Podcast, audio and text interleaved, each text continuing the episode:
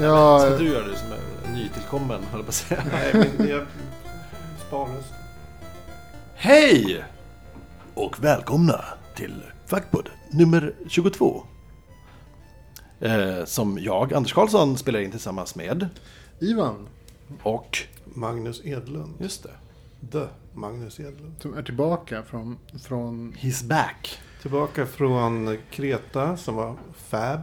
precis. Och från en långvarig förkylning. Ja, just det. Som inte är så fab. Nej, Så det är därför jag viskar lite nu. För att Non- spara min röst lite grann. det var inte... Det är, nå- det är nästan som en eh, filmen, en långvarig förlovning. Fast Fast det här var en långvarig mer förkylning. kroppsvätskor skulle jag säga. Är det verkligen det? Ja, Säker? det är ganska övertygad om. Ja. Nej men Kreta var fantastiskt. Jag, Kul. Låg, jag låg och läste. Vad läste du för något? Du är ju inte direkt solbränd. Nej, jag låg under ett parasoll. Ja, smart. Jag bränner mig så jävla lätt. Så Ja, det är jag bara, med. jag håller mig undan solen allt Ja. jag kan. Jag läste, först läste jag Donna Tarts Den hemliga historien. Som är en helt fantastisk bok. Alltså en sån här som, om jag hade läst den när jag var 17 så hade mitt liv blivit helt annorlunda. Oj. Ja. Vad handlar det om? Den handlar om, Crossdressers. ja, det är en snubbe, en kille i 19-årsåldern. Från Kalifornien. Som kommer in på ett college på östkusten. Ehm, där han flyttar dit och det är så här fantastiska miljöer och så där. Och så kommer han in i en väldigt exklusiv grekiska klass. Där det bara är fyra, fem personer. Och eh, alltså elitism har aldrig varit så lockande som i den här boken. Eh, Den är helt fantastisk. Och jag känner så här, jag måste gå tillbaks nu till universitetet och skriva klart min magister Oj. eh, uppsats i litteraturvetenskap. Kanske en bok för skoltrötta? Ja, jag känner, efter, jag känner mig så jävla skolkåt efter jag hade läst den. Mm. Sen är den en, en hemsk historia på många sätt. Men den är så otroligt välskriven och bra. Ja. Så den bör alla människor läsa. Jag är chockad. Oj. Så som verkligen fångar den på djupet. Liksom. Det var fantastiskt. Finns det som ljudbok? Det antar jag. Det är Då garanterat. finns risk att jag... Det är Då finns det möjlighet att jag kan läsa den. Det är så att säga en, en kl- modern klassiker. Ja.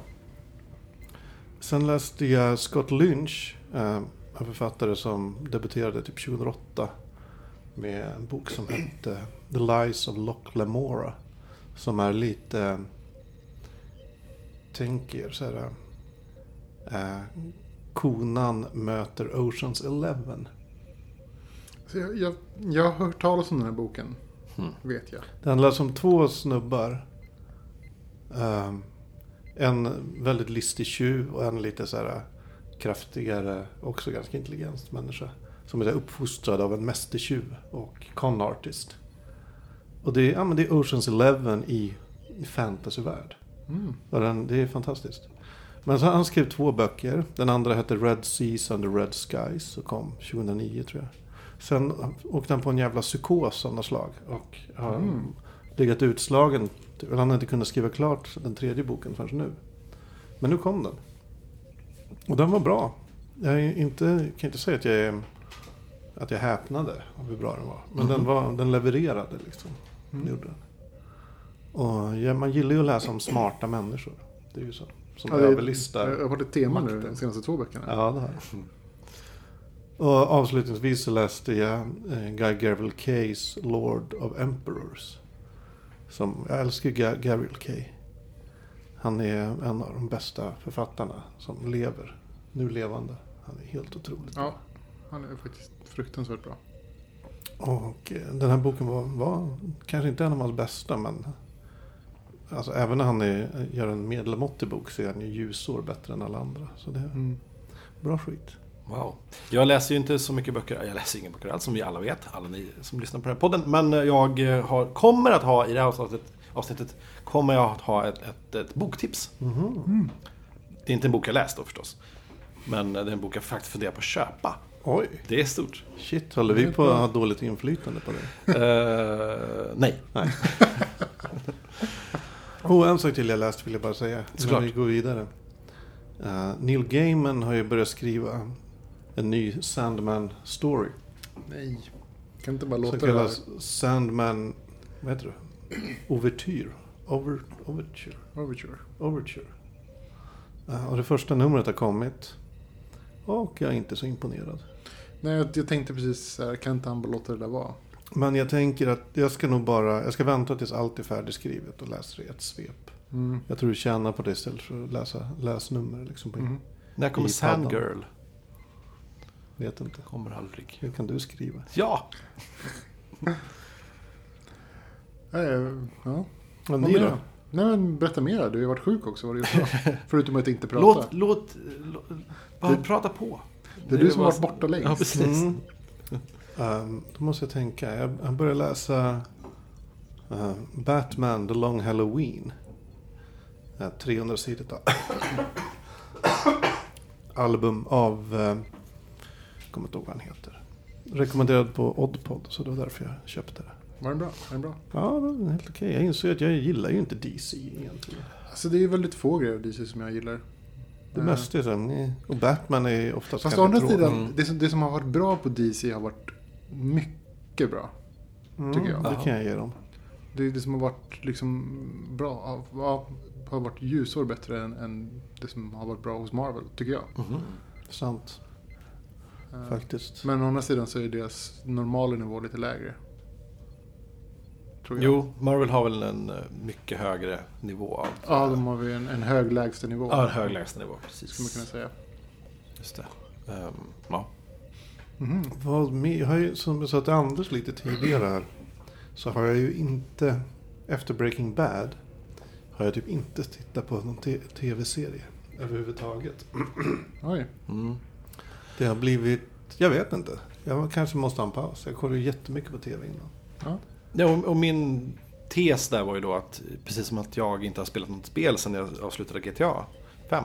Så kanske det är så att man, man, man, man kanske konsumerar saker till någon slags crescendo av något bra. Det var väldigt bra TV, så nu räcker det för ett tag. Det är väldigt bra spel, så, ja, men nu, Mm. man spelar väldigt mycket och väldigt intensivt. Och att gå från Breaking Bad-finalen till Rand, ett random avsnitt av Modern på- Family. Ja, eller eller någonting. Agents of Shield. Som vilken Ja, jävla skitserie. Jag har sett två avsnitt och jag pallar den inte. Oj, jag har sett fem. Jag tyckte som att det, det, det, det, tillåts spelas i bakgrunden hemma hos mig. Jag tittar inte jätteintensivt. Okej. Medan du gör annat. Ja, lite. Ah, vad har jag gjort? Nu? Jo, jag fick tag på en beta till eh, Hearthstone till slut. Grattis. Alltså, som jag har tjatat. Alltså, gud vad jag har tjatat om det där känner jag. Jag har typ blivit trött på mig själv. För att jag tjatat. Och ändå så är du inte så förtrollad av spelet. Nej, alltså grejen är som, som, jag, som jag kom på för att som smart person som jag är att jag ändå har många kompisar som spelar spel och som jobbar inom spelbranschen. Så jag frågar på Facebook. Och eh, 15 minuter efter att jag frågar så har jag en betanyckel. Bra. Så jag kanske borde ha gjort det här lite tidigare. Istället för att hålla på att trötta ut er med allt mitt tjat. Men det är ju det är ju lätt. Man är, inte- jag är inte van att så att säga utnyttja mina kontakter. Nej. Jag är inte Nej. alls van vid det. Nej. Jag tänker sällan i de banorna. Jag, ja. jag minns när, när Spotify kom och när det var betanycklar och liksom, det var sån hysteri kring de där nycklarna. Mm. Och då hittade man till slut någon mailadress till någon person som man inte ens visste vem det var. Så mejlade honom och bad att få någon betanyckel och, och, och så fick jag det till slut. Så jag hade, du vet. Mm. Men det var ju helt omöjligt annars att få tag på de här grejerna. Ja, jag råkade få en betanyckel. Jag fick en betanyckel av någon på Twitter. Ja, Jag bara så här, vad fan är det här Spotify alla pratar om? Och så var det någon bara, ja men här kan du få en betanyckel. Jaha, tack. coolt. Ja, jag har testat det. Jag, vad ska jag säga om det? Um, ur kortspelsperspektiv så är det ganska, ganska låg nivå på strategin. Jag, nu har jag så här, jag kan ju också kanske nämna nu att jag har kanske lovat mig själv att inte överförklara mig själv när det kommer till, till Mm. liksom detaljer. Så jag kanske ska bara köra här. Liksom. Kör. Och så får ni fråga. Ifall- Nu förklarar du att du inte ska förklara. Precis, ja gud. Vad jag gör. Vilka brasklappar jag bara plockar fram ur höger och vänster. Nej, men skitsamma. Eh, kortekonomi och liksom value är så ohyggligt lätt att räkna ut. Och det brukar, man brukar, spelen brukar ju bygga på att man har kunskap kring själva spelet. Man måste veta vad som, vad som är möjligt att hända i framtiden och sådär. Och det är extremt lätt att räkna ut med en så begränsad mängd kort som finns. Eh, så strategin är väldigt enkel för någon som är van kring sådana spel. Och som sagt, jag fick spelet på en söndag kväll. Eh, typ vid kanske 10 tiden tror jag. Jag installerade klart och började spela. Jag slutade spela kanske vid ett tiden Och då var jag i typ så här tre stjärnor, mm, typ Diamond League. Det är bra det. Och det är väl typ ett steg från, från max. Oj. Men hur funkar spelet då om man är två personer på din nivå som spelar mot varandra? Vad, är, Eh, vad är utmaningen då? Alltså, då, då blir det ju typ så att man försöker fejka varandra in och göra misstag och så vidare. Men, men det blir också ganska mycket i slutet. Vilken tur, alltså tur kring, kring kortdragning och så här. Tur kring vem som kan... Man måste ju chansa till slut. Man chansar ju kring så här, jag måste chansa på att det här kommer betala sig i längden. Fast jag vet att om han har det andra kortet på handen så kommer jag förlora. Så tur är viktigare än skicklighet egentligen. Om man har, en viss grundnivå av skicklighet så är tur Ja, men vid, det vid, avgörande. vid, ja, samma skicklighet så är det ju klart turen som avgör. Det är alltid så. Mm.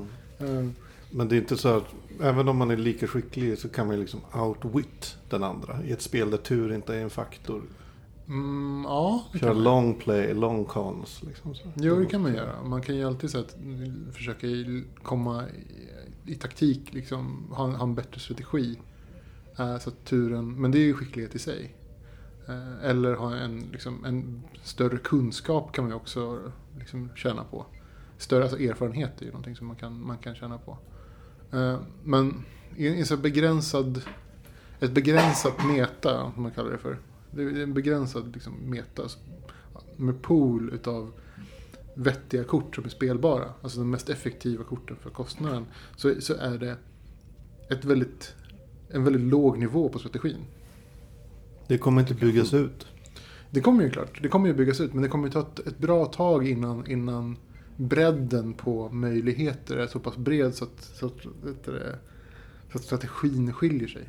Och det är alltid så här risken med sånt här duellspel då, det att, att det blir en sten, sax, påse. Det kommer alltid vara någonting som är bäst. Mm. Och när det är utsatt så blir det alltid, eller så som det funkar i Magic då, att man har en lek som kanske vinner, ja, man har 80% lek eller typ, om det är riktigt bra. Annars är det en 60% lek liksom, som vinner 60% av sina matcher. Eh, och sen så har man den under som vinner kanske ja, 40% av sina matcher. Och sen så har man leken som vinner mot den första leken. Okej. Så att man tänker sig att de flesta kommer att spela den första leken för att den har störst chans att vinna. Då spelar den här leken som kommer att slå den leken. Men sen förlorar mot allting annat. Mm. Och då är det mest tur med hur man hamnar i, alltså hur man lottas in i turneringar. Ja, det kan finnas tur även på den nivån ju. Ja, ja, absolut. Det finns en hel, och det är, det är metaspelet. Liksom. Hur, hur metaspelet ut, utspelar sig med varandra. Blir, ja. eh, men i det här så är det låg nivå. Extremt låg nivå. Men väldigt kul att spela casual. Jag minns, jag var inte med så tidigt, men hur, hur basic de först, den första versionen av Magic var till exempel. Mm, den Ja. var ändå ganska avancerad till viss del. Men där var det problemet det var liksom en av de första kortspelen så att man hade ju inte riktigt gjort klart analysen som gjordes kanske typ 20 år senare. Alltså Nej. efter 20 års spel med, med vad som är vettigt att bygga och vad som är vettigt och inte. Alltså i designmässigt. De designade i Magic till exempel kort som hade effekt utav tre.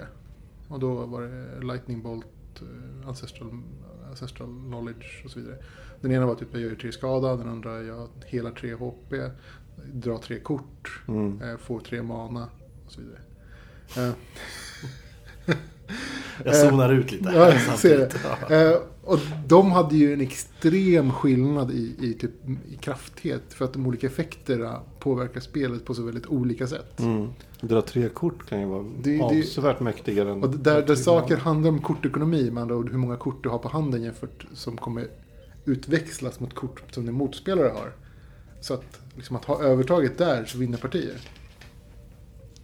Ja, det, är en, det här är ju en värld. Jag var så dålig på Magic. Jag satte upp lekar för vilka kort jag tyckte var snygga och verkade häftiga. Ja, det kan man göra också i och för sig. Men jag förlorade ju hela tiden Ja, andra sidan. det kan man också göra. Min favorit var, var Cat People, eller Cat Warriors. Från Legends-expansionen tror jag. Jag för mig att de var jättedåliga. De var skitdåliga men de såg coola ut. Men det är där man börjar på något sätt. Det är det som är ingången. Det Så- enda, jag hade jättemånga med. Det enda Magic-kort jag har kvar det är Pixie Queen. Som har som effekt att den ger andra Pixies typ plus tre eller något på allt. Oj. Men grejen är det finns typ inga andra Pixies. Eller fanns inte då. Det var ett annat kort som var en Pixie. Ja, det kanske har kommit något. Jag vet att det finns fairies. Men det finns Ja, det kanske var Fairies det handlade om. Ja. Men det är så här, ja. Det här är ett coolt kort. Men det är helt värdelöst. För det påverkar en typ av kort som inte finns. Eh, Men vad kan, vad kan jag säga? Jag har uppskattat spelet i dess enkelhet på många sätt. Eh, Det är väldigt, väldigt, det är väldigt väl designat så turneringsmässigt. När man, när man går in i en turnering, som säger, det är väl denna turneringsformen de har just nu som är draft. Där får man välja mellan tre kort och så vidare. Eh, Så går man vidare så, tills man bygger ihop en egen lek och så. Eh, Det är väldigt skönt att liksom, det finns ingen stress i det där. Det finns ingen tidsaspekt. Utan du kan liksom Ja men nu har jag tid att spela lite grann. Jag loggar på, spelar en match. Ja men nu måste jag sluta för att nu måste jag liksom ja, jobba eller nu är min lunch slut eller vad som Mm. helst. Så kan man bara logga av. Och sen så kan man plocka upp det där man lämnar det. Medan alla andra sådana här spel, så, så när man väl skrivit upp sig till en turnering eller till ett event. Så sitter man ju där fast där i typ åtta timmar. Och Det är kommer inte loss. Svårt med casual play då. Liksom. Ja, det Och är då blir ju här, tvärt emot. precis, det blir helt tvärt emot casual. Så det här är ju De väldigt... föräldralediga kan inte spela det. Nej, Ja. det här är ju väldigt casual friendly. Och det är ju väldigt schysst. Mm. Mm. Eh, Det är... mm, Ja, jag tror att det kommer att det kan växa till sig. Jag hoppas att det kan växa till sig. För tillfället så, är, så för mig kanske håller en vecka. Sen så har jag liksom gjort allt som går att göra och så är det slut. Men känner du, är det liksom expanderbart? Alltså är det en Absolut. god grund som de kan bygga på? Alltså just med sådana här grejer så är det så att man har ett gäng regler som, som, som definierar spelet. Och tanken är att alla korten ändrar på de reglerna. Det är ju det som är själva grunden. Liksom. Så här, du börjar med, med 20 liv. Okej, det är en regel. Du dör när du har noll liv, och det är en regel. Eh, Men sen så står det ingenting som, som, som beskriver hur man förändrar de, de premisserna. Utan Mm. det kommer ett kort som säger du tappar tre liv. Och det liksom förändrar ju reglerna på, på sitt sätt. Mm. Eh, Så det är ju det som är tanken. Och då kan man ju designa kort som gör lite vad som helst. Mm. Liksom allt däremellan. Exception based. eh, Vad kallas det? Ja, skitsamma. Ja. Jag vet, Dungeons and Dragons 4 var byggt på det sättet. Vilket var helt värdelöst för ett rollspel. Att men, de hade... men det var väl designat av Wizards? Va? Witches of the Coast? Ja. ja, det är samma som gör Magic. Jag vet. Men det är helt värdelöst. Alltså de har en, en, uppsättning grundregler. Och sen går alla, alla andra regler ut på att, att eh, modifiera de här grundreglerna. Och det är så här, det är helt man kan aldrig lära sig spelet. Det går inte. Jo. Ja, men du har, om du har 2000 olika förmågor som alla påverkar grundreglerna, eller ändrar grundreglerna. Ja. Och ändrar varandra i otaliga kombinationer. Det är ju det som är själva kortspelets grund. liksom. Ja, men det här är ett rollspel. Jo, jo, men det bygger ju på samma premisser. Nej, det bygger ju på ett regelverk, men det är dåligt. Ja, men det är så här- Skitsamma. Anders, har du något att tillföra? Absolut ingenting i den här diskussionen. Eh, Men vad jag har att tillföra till den här podden. Nej men eh, vad har jag gjort på sistone då? Jag har väl, eh, har väl sett lite film. Som jag alltid har gjort. Det gör väl alla alltid på något sätt. Så det är väl inget konstigt med det. Eh, Jag har kikat på... Jag såg The Lone Ranger. Som jag tyckte var eh, helt okej. Tills eh, det kommer en eh, tågjakt i slutet som är fan det, bland det bästa jag sett på, på film på, på år och Oj. dagar. Det är den trevligaste 15 minuterna i, i film på väldigt länge. Eh, Men så, är det... kan så man- jävla snabbt och smart och snyggt och liksom eh, Buster Keaton eh, inspirerat och det är så här Oj. jätteroligt. Jag, direkt var jag tvungen att bara se om den scenen. Så det, det var eh, en liten kul grej. Nej men vad jag annars har gjort har jag gått, gått, gått på, på lite... Dels gick jag ju på den här Game On eh, som hade premiär på Tekniska museet. Just det, den där utställningen. Eh, just det. Det är är, en det? världs, det, det är en, om det är en världsutställning faktiskt som turnerar runt. Som har blivit uppdaterad, som nu heter den Game On 2.0. Mm. Ehm, Det är en eh, utställning där de visar upp, eller rättare sagt man får de ställer upp helt enkelt en jäkla massa tv-spel. Allt från Pong till Uncharted. Liksom. Så det är säkert ett 60-70-tal spel som man kan bara testa och köra eh, och gå runt och titta på. Jättetrevligt, så jag var på den lilla invigningen där. Det var jätteroligt förstås att man kunde gå runt med en liten öl i handen också. Vara lite halvlullig. Det gillar och man ju. spela spel, för det, det är väldigt trevligt. Jag såg att Där de också... Syntax Error-killarna skulle spela musik. Ja, det gjorde de. Och, och ehm, mus, eh, precis, man kunde testa lite, ja, inte riktigt PS4, men jag höll i alla fall i handkontrollen till PS4 och eh, kändes väldigt skön. Eh, så körde, det var något spel jag körde som antagligen var en simulerad PS4, vad det nu var för spel. Men det var spelat från en dator så jag vet inte fan vad det var för något. Jättetrevligt i alla fall. Och sen så nu i helgen så hölls ju eh, GameX på Kistamässan. Eh, med, eh, som då är den här jättestora, vad säger man? Norra Europas största, nej men det kan det inte vara, Sveriges största i alla fall, eh, spel. Den börjar väl bli stor på riktigt nu. Är så, nu är det så jäkla stort. De Jag har ju på- ältat den i skymundan i många, många år. Ja, Liksom. Och Jesus alltså. För jag var där i lördags och det kanske var dumt för att det var enormt mycket människor. Man fick bara tränga sig runt. Det var i princip bara... Ut... Folk stod bara i kö hela tiden. Det är bara köer. För att folk står så 100 meter lång köer så att de vill testa eh, Xbone eller PS4 eller Oculus Rift och sådär. Men jag lyckades i alla fall ställa mig i en, i en kort kö till Oculus Rift, så nu har jag testat den. Hur, berätta. Åh, ja. ehm. det, det ska sägas att jag... De, de demar ju... Var, de, de, den demades på flera ställen på den här mässan. Men... ehm, Så jag är osäker på om den jag testade var helt korrekt inställd faktiskt. Det var så... Direkt kände jag att det var så otroligt låg upplösning. Eh, Så jag såg verkligen pixlarna.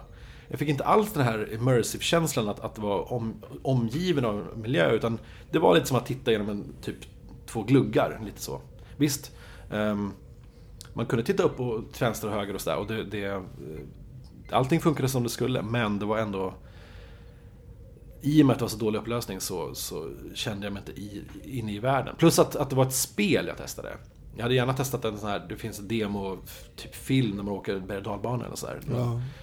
Där man egentligen bara sitter med och tittar. Nu var det som att man var tvungen att springa runt och agera samtidigt och skjuta någonting. Så att det var, det var lätt att bara koncentrera sig på det och inte liksom stanna upp och titta sig omkring och känna hur headsetet funkade. Men det var jätte... Det var lite bisarr känsla att sitta med någonting på, runt över ögonen som, som man inte... Du ser ju ingenting annat. Var den bekväm? Den var jättebekväm. Var den. Problemet är ju bara att du ser inte riktigt... Man tappar så himla fort eh, kontrollen över ja, kroppen, över säga. Men plötsligt inser jag att jag sitter, jag sitter antagligen, tänkte jag just nu, och tittar rätt åt höger med huvudet. För att i och med att om jag tittar höger med headset på, ja då vänder sig världen åt höger. Men om jag rör musen vänster då, så återställer sig världen. Vilket gör att, att jag tittade rakt fram. Okej. I, I huvudet titt, så, såg jag rakt fram. Ja. Men jag känner ju hur mitt, hu, mitt fysiska huvud tittar rätt åt höger.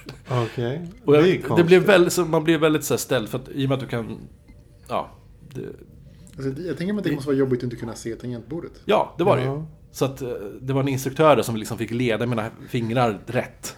Oj. På, så, så jag styra och där, här är Det, musen. där har de ju en bugg. Alltså. Precis. Ehm, men då... Jag, jag har sett en jättetidig... eh, vad heter det? Ehm, bild på, som kom i våras någon gång. En där tidig version. Vad heter det när man säger att... En concept design av, av Oculus Rift. Som ser helt annorlunda ut. Som dessutom har två stycken stereokameror. Och då har jag läst någonstans att idén fanns att ehm, man, ska kunna, så man ska kunna switcha över och se omgivningen.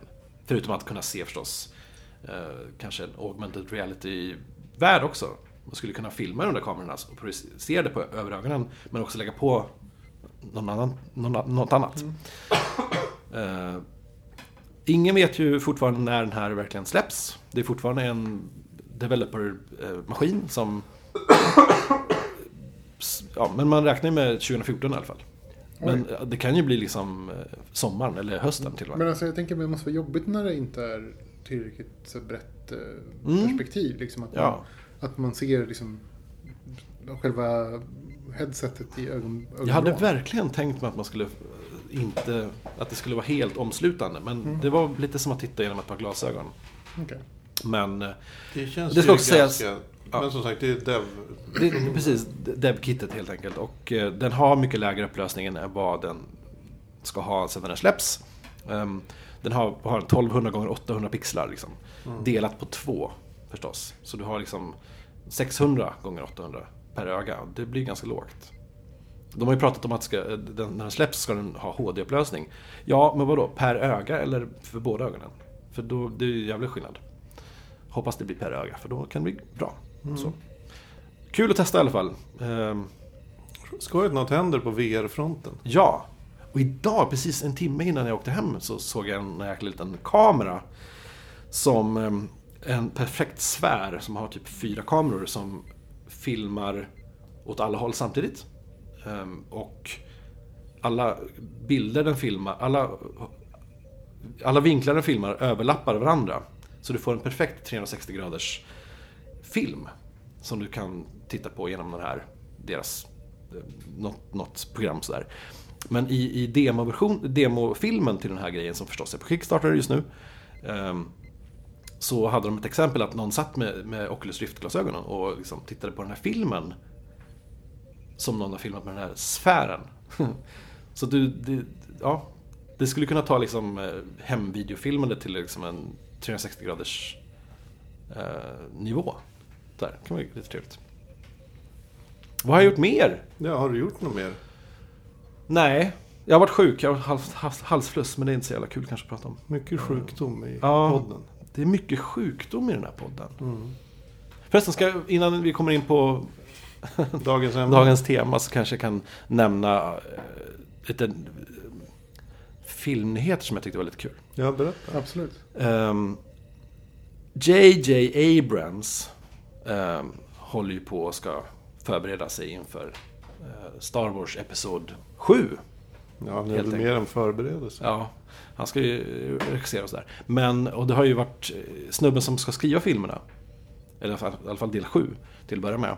Eh, heter, strunt samma, eh, Michael Arndt. Han eh, som gjorde Little Miss Sun- Sunshine. Där. Oh, han är helt ute ur det här nu. Han blev kickad. Precis, du känner till det här. Mm. Och eh, JJ eh, kör helt enkelt manuset själv. Till, eller själv och själv, han kör det tillsammans med den eh, med Lawrence Kasdan. Vem är det nu igen? Ja, han skrev nämligen del 5 och del 6.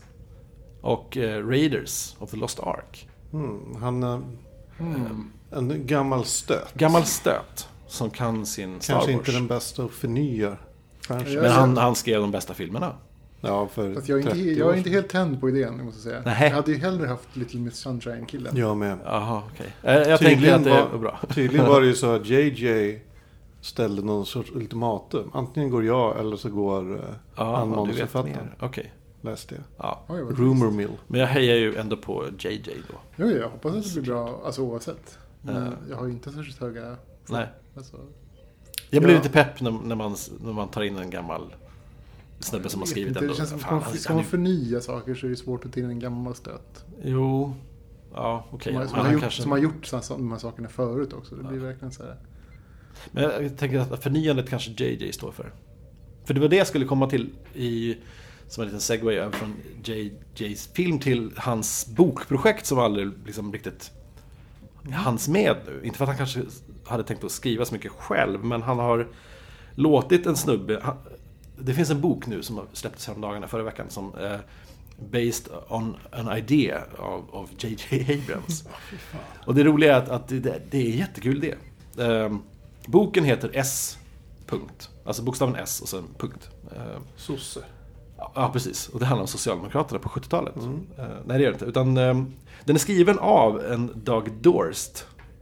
Eh, då, så själva boken är skriven av, av honom. Baserad på en idé av JJ Abrams. Står JJ för Jar Jar förresten? Hoppas inte. Hoppas inte väl. Eh, och i boken Jag såg trailer för boken. Trailer för boken. Och det är bara någon som bläddrar igenom boken. Det är bara någon som bläddrar igenom boken. Men grejen är den att Tänk er att någon har skrivit en bok ehm, Som handlar om en man på ett skepp som har tappat bort sitt, tappat sitt minne. Jag vet inte var han är på väg och det är väldigt... Och skeppet inhabiteras av underliga varelser och allt sådär. Det finns en story där. Sen Tänker att den här boken hittas och läses av någon som börjar anteckna lite i kanterna. Och göra, liksom, stryka under saker och liksom skriva egna saker.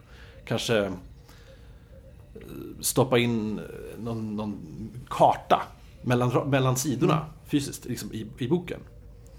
Eh, och sen tänker jag att den boken i sin tur hittas av en tjej som läser den här boken och ser de här anteckningarna och själv börjar anteckna och liksom lägga till och ställa frågor och liksom Det blir som en nästan en dialog mellan den första antecknaren och den andra antecknaren. Eh, Och börjar själv börja fylla på, lägga i vykort och liksom kartor och eh, papper och så, så, här. så den här boken är alltså fylld med liksom saker mellan sidorna, fullt med anteckningar, handskrivet överallt. Och den är gjord som en, ja, men som en gammal bok skulle kunna se ut. Jättemystiskt. Och tydligen ganska svårläst, men jag blir jättepeppad. Det låter Det finns på Amazon. Jag släpptes i förra veckan. Det Det känns låter som... krystat. Jag tycker det är att ta... När såg en trailer för en bok senast. Det, det gör de ju hela tiden. Ja, okej då. Gör ni? Jag, jag har aldrig sett den. Alla stora typ Men- genresläpp har en trailer. Jaha, okej. Jag, Jag- jag, jag råkar ju gilla JJ och jag tycker som att det här... Det, det eh, låter väldigt det- JJ. Ja, Men jag håller med vad du säger. Det Ja. låter som en skitrolig idé. ja. Men jag tror kanske inte lika roligt i praktiken. Nej, nej, vi får se. Köp jag tänkte köpa den och Ja. Högläsa. det ser jag fram emot. Ja, ja, Mm. absolut. Det. Så det var mitt enda, första och enda boktips i mitt liv ever. Nej. Nej, det var det inte. Shit. Anders Ja. tipsar om en bok. Ja, det är helt sjukt. Coolt. Det är helt sjukt. Ja, vi ska ju snacka om sjukdom. Jaha. Vilken segway. Ja. Varför hålla på och konstra sig? Liksom? Ja, absolut. Vi, är, vi är sjuka. Alla är sjuka numera. Ja. Det känns som hela mänskligheten är bara en sjukdom egentligen. Ja.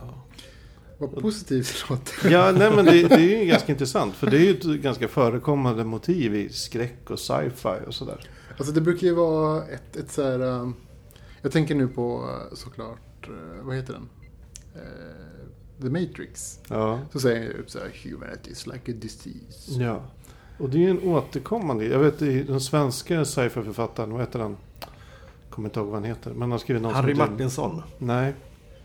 Han har skrivit en bok som heter Ny- Nyaga, tror jag. Och en som heter typ Rymdväktaren som hänger ihop. Där är det så här, människorna är... Förutom, ja, ja Harry Martinsson skrev, vad heter den? Ja, Aniara. Aniara. Ja, jag kommer inte ihåg vad den heter riktigt. Men det är så här, människan är den enda... Jorden har den enda levande organismerna i hela universum. Överallt annars så är det bara stora metallkonstruktioner som, som bara flyter runt i, i tystnad i, ute i rymden. Mm. Och betraktar människan som en så här anomali. Något, något sjukt. Något som inte borde finnas. Mm. Det tangerar lite vad vi pratade om förra veckan när vi pratade om eh, mänskligheten och hur den skulle kunna eh, fortsätta och det här att så fort mänskligheten upptäcker radio så inom Ja, ett par se- sekler så är den utrotat sig själv genom att ersätta sig med maskiner mest. Mm. Ja, Singulariteten. Ja, jo men sjukdom. Ja. Det, Det, jag, jag läste en intressant grej på Reddit. Ja. Jag, jag såg en länk till någon Reddit-grej. Där, där de typ så här, någon som diskuterade kring att de är så trötta på att, på att människor alltid så här, ska presenteras som en så himla dålig varelse. Alltså så här, kass. Mm. Inte ond, utan så här kass. Att, att- dåligt konstruerat. dåligt konstruerad. Och då skulle de förklara sig och försöka, men typ så kan inte ni komma med de positiva egenskaperna kring människor? Men menar att de, att de skildrade så i populärkultur? I populärkultur, Ja. ja. Lite så här, liksom att allting, allting i naturen är så himla mycket bättre än vad vi är. Mm. Och då fick jag, då var det någon som såklart ja, visste mycket om mäns människor och mänskliga kroppen. som- Visste mycket eller Reddit visste mycket. Exakt. Jag vet inte. Ja. Det är väl svårt att veta. Det Ja. finns ingen Mycket källkritik i det läkare som Nej. eh, trollar på Reddit. Precis. Ja, men vad skrev hen? Hen. Ja, då skrev, eh, vad skrev hen? Den skrev att, eh, ja att människan, att liksom, som jaktmetod, historiskt sett, så har människan antagligen inte varit en sån här surprise, liksom. Utan att man har sprungit ihjäl eh, byte. Ja, det Ja. är inte osannolikt. Man kan ju... Människan är människ- väl det djur som kan springa eh, längst uthålligast. Precis, att, att människans, människo, människans uthållighet liksom är extrem. Och de flesta, liksom, nu är jag ingen jägare, men de flesta bytesdjur är ju inte så här stresståliga. Nej, precis. Alltså du kan ju stressa ihjäl en häst hur lätt som helst. Ja, ja. Du kan ju stressa ihjäl en älg hur lätt som helst. Så det var ju så här grejen då att det var en anledning till att, att, vi har domesticerat hundar för att det är de få djuren som kan hänga med. Men ska inte hund, en hund, ja okej. Och det är ju lite... Men lite jag menar hur många djur springer vi i fatt? men det, eller- det är väl det man inte gör, utan man bara springer efter. Jo, men hur många djur, jag menar du kan inte springa efter en häst. Jo. Vadå, Men- den, den är ju typ tre kilometer bort efter en minut. Men du springer i fatt du, du, du springer i fatt. Alltså du ser ju vart jag vilket håll du Men springer. det är hästen en bara springer tre men kilometer, sen väntar den i 20 minuter. Och så springer Nej, tydligen inte. Men inte, inte, inte män, alltså, människor kan ju springa typ så tre dygn i sträck. Jo, jo. Men jag tänker som att då ska det vara ett djur som är aningen snabb, eller lika snabbt. Nej, det behöver inte vara lika Exakt snabbt. lika Du snabbt behöver är det bara följa efter det tillräckligt länge tills, tills Okej. det dör av Ja, det stressas ju ihjäl. Ja, ja. Liksom, de klarar ju inte, de är inte så Fattar det själv liksom. Varje gång jo. du går och lägger dig så kommer de där. Men är det snabbare så, så till slut så... Det, det, ja, nej, Jag orkar inte med. Nej, jag, jag, är med, jag är med på vad du säger. Och tydligen så, det var en av sakerna. Så var- det, och det är ju ganska läskigt liksom. Att ha ett djur som jagar dig genom att springa i fatt dig. Ja, en, en Jason. Ja, jag, jag exakt. tänker mig lite som en mumie. Typ såhär shuffle, så shuffle-mumie Ja. som bara följer efter Ja, dig. men grejen, man kan springa, Jag men när man vänder sig om så är den alltid bakom en. Som den här eh, i eh, Minecraft, den här... Kan inte Minecraft. Nej, just det. Men det, det finns ju någon eh, mo- monster, eller vad man ska kalla det för, som om man tittar på den så börjar den följa efter den.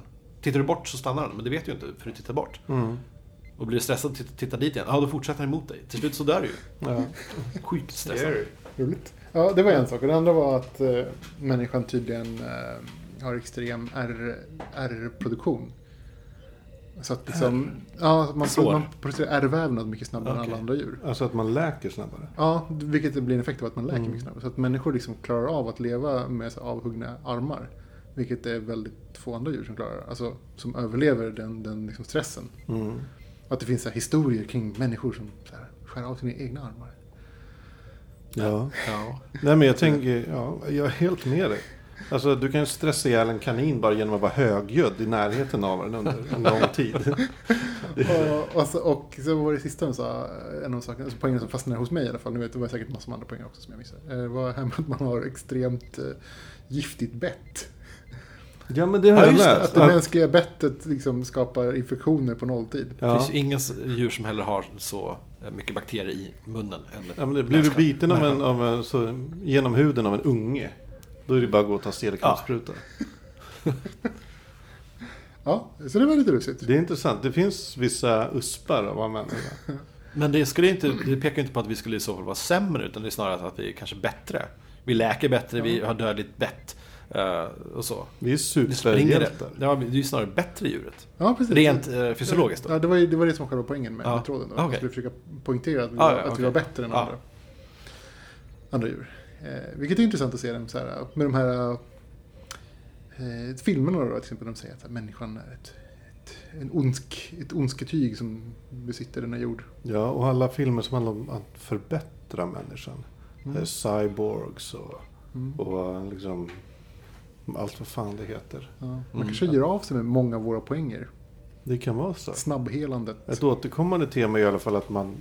Det är ju nästan det att, man, att det handlar mer om intellektet i de här filmerna. Mm. Och fria viljan och sådär. Just det. Som med Robocop, ja, han blir bättre på många sätt. Men han förlorar den här intuitiva, eh, mänskliga Mm. ja, känslan. Mm. Och att det då, att man mer tänker på att det är, det är så bra med människan. Mm. Att människan är smart. Mm. Vilket är ju bra på många sätt, men dåligt på andra sätt. Mm. Men det är, ju så, det är, det är absolut en poäng i att det sällan pratas om att, att vi rent fysiskt, så här, med våra, Ja. våra kroppar är överlägsna andra djur. Intressant. Ja. Vad har ni annars för eh, tankar kring eh, så här, sjukdom i populärkultur? Kanske spel eller film eller böcker eller så? Jag tycker oftast att det är så. Är det liksom en drivande kraft? Är det någonting som... eh, jag, ser det på två sätt. Del, dels är det... Eh, det finns två grejer. Dels är det ofta så jäkla förenklat. Mm. Hur, hur, och speciellt hur mental sjukdom, alltså, alltså psykisk åkomma och så, hur det skildras är så fruktansvärt förenklat. Ja, det är ju så på eller av. Ja, något sätt. precis. Man är, ja, exakt. Antingen man är alltid en koko, eller så är man aldrig det. Man kan inte vara liksom en, en, en sjuk person som, som mår bra. Mm. Utan det blir alltid någon slags så här, man kan inte introducera psykisk sjukdom till en historia utan att det blir en så grundbult i historien på något sätt. Nej. Det är, nästan ingen sjukdom kan introduceras. Nej. Om någon har cancer i en film. Då är det ju en grej. Liksom. Ja, då handlar det om att den här personen har cancer. Mm. Det är ju inte bara, ja ah, men det där är ju Kalle, han har cancer. Och så, handl- och så bara går de vidare. Ja. Så är det ju aldrig. Men är sjukdom så centralt liksom? Är det så, liksom, är det så, tar det upp så mycket plats i historien? Alltså att det inte går att berätta en historia med sjukdom i där det inte handlar om sjukdom?